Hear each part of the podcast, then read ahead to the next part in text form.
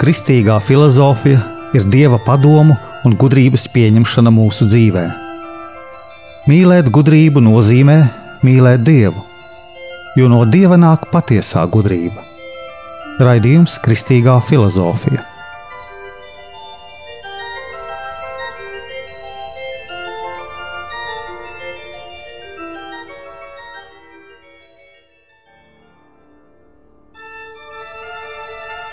Es esmu Jānis Valtra Vitsenheims, kristīgais filozofs, un ar jums ir 34. raidījums Kristīgajā filozofijā.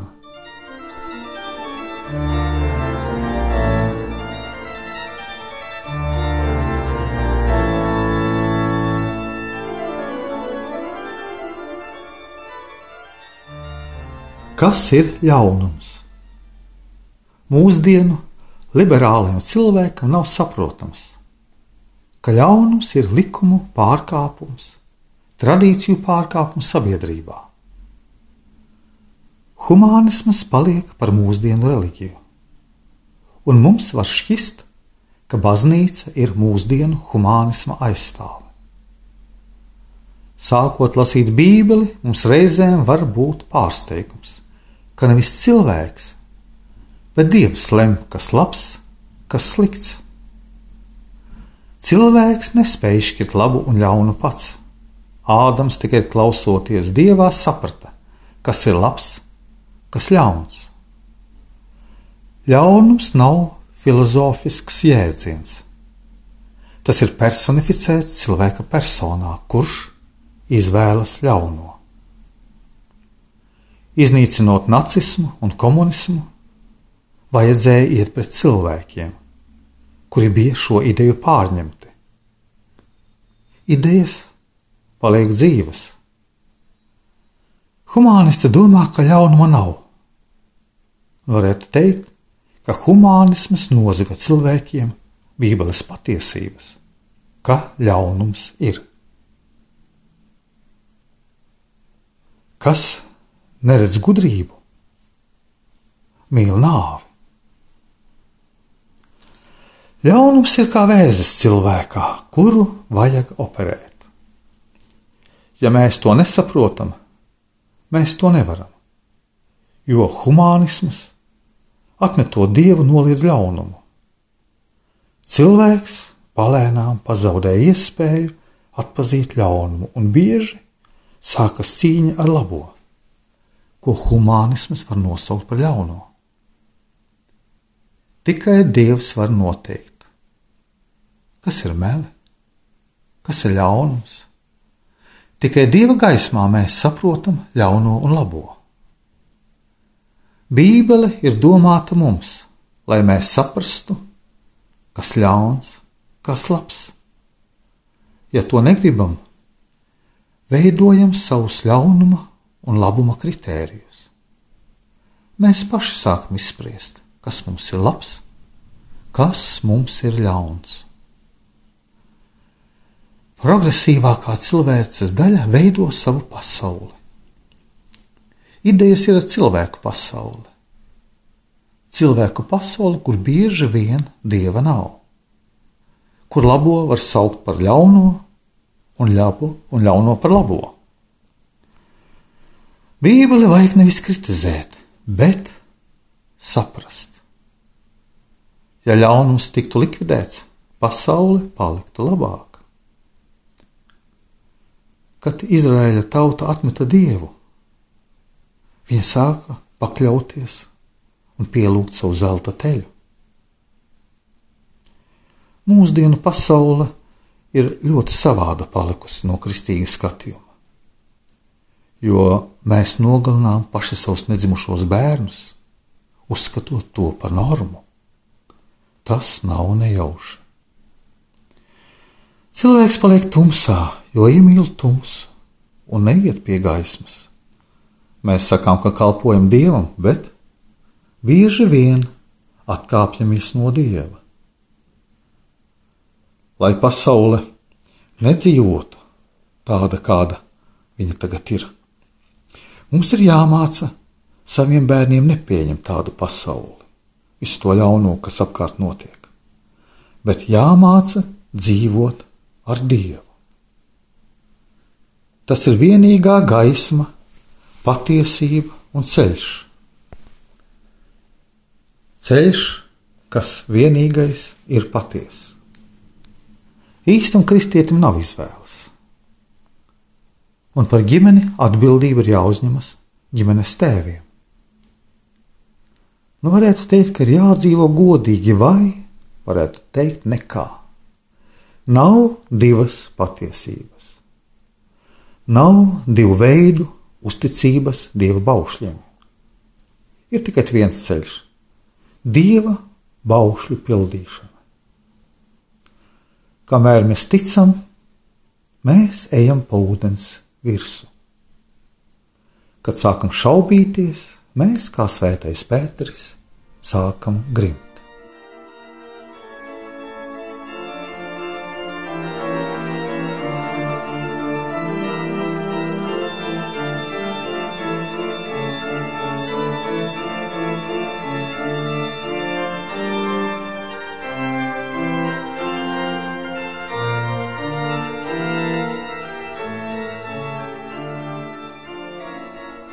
Ikdienas dzīvē mēs priecājamies, ja zinām patiesību.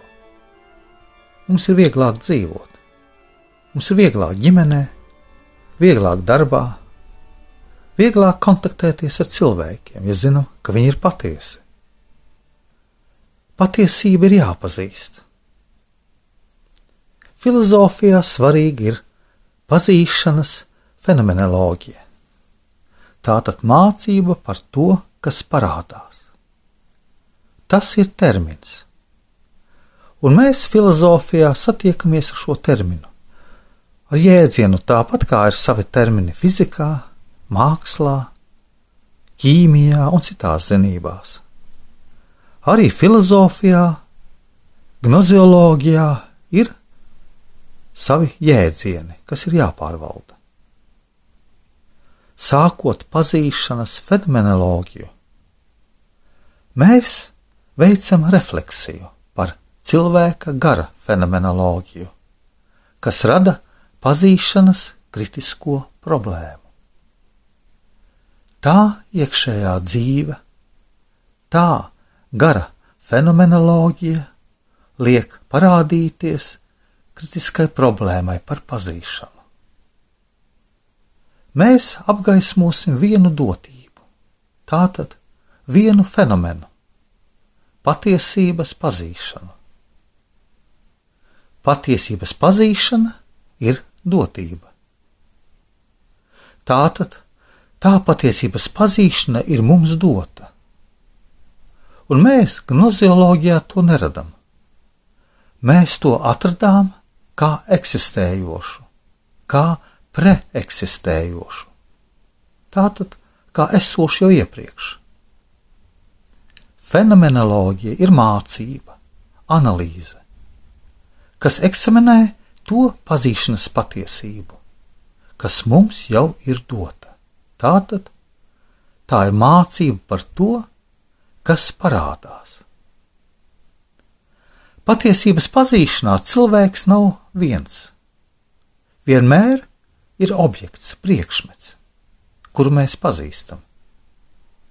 Priekšmets refleksīvi eksaminējot, parādās mūsos iekšēji, eksaminējot to patiesības pazīšanu. Tas ir fenomens. Fenomenu latviešu mēs varam saukt par dotību. Tā ir dotība, kas parādās mūsos, kuru mēs uztveram kā mums dotu. Krievu vislielākais filozofs Vladimirs Solojovs parāda, četru gadsimtu ilgā gnozioloģija ir izējas punkts,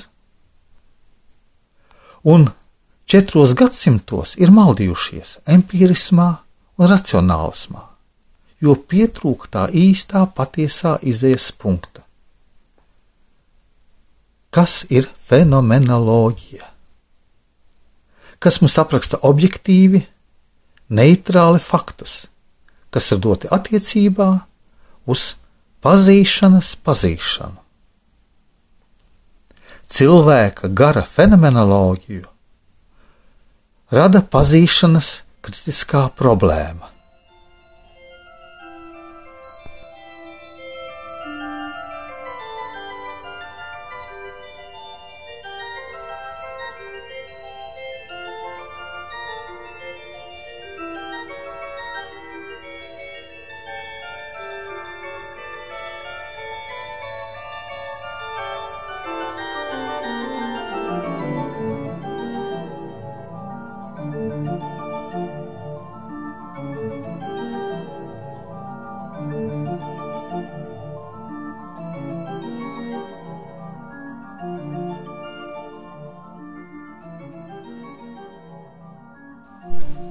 Pazīšanas kritiskās problēmas konteksts ir ar domu, vai gnoziologs, pazīšanas kritiķis, sāk no nulles, ne no kā gnoziologiju, vai sāk to izējot no kādas dotības.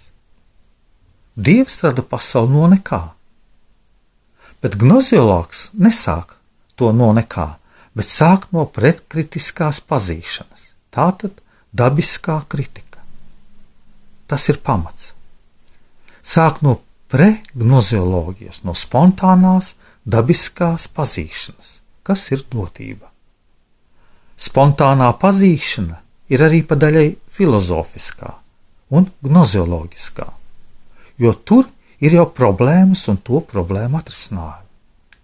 Tādā veidā pregnozioloģiskā pazīšana mūs sagatavo sistemātiskai filozofijai un sistemātiskā filozofija dod tai pregnozioloģijai pilnību.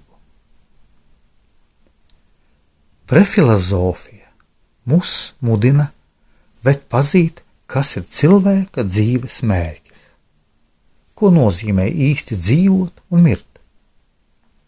Problēma par cilvēka dzīves beidzamo mērķi nevar tikt izraisīta, neizraisot iepriekš problēmu par īstenību un realitāti.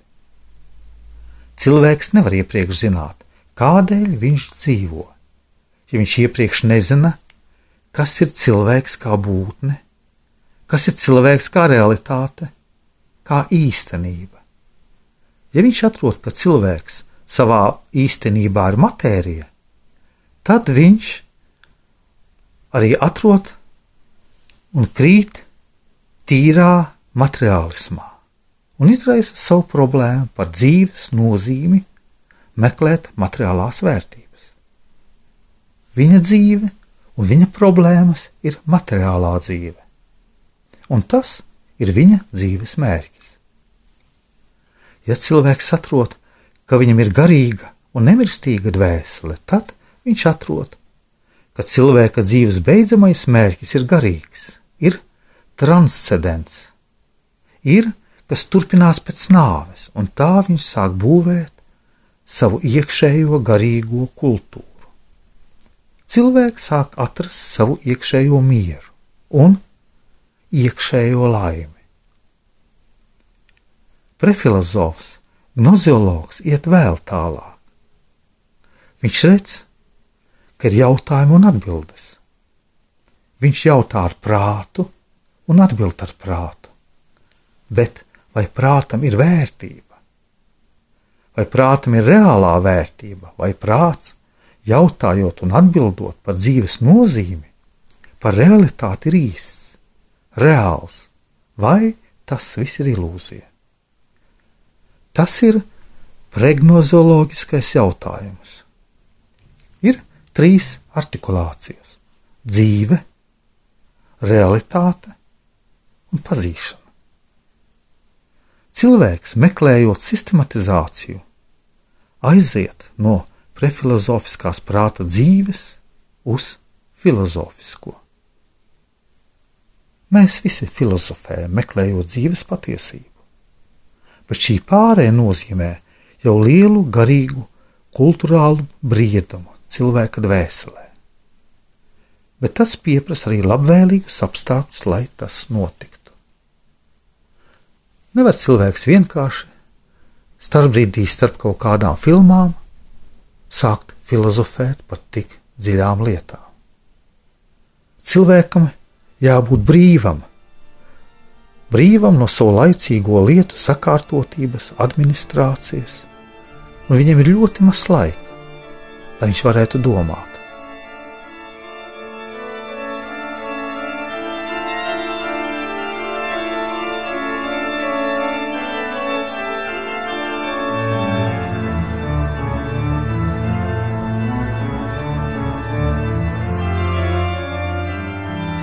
Es esmu Jānis Valtra Vitsenheims, un jūs klausījāties 34. raidījumu Kristīgajā filozofijā par patiesības pazīšanu, kas mums ir dota.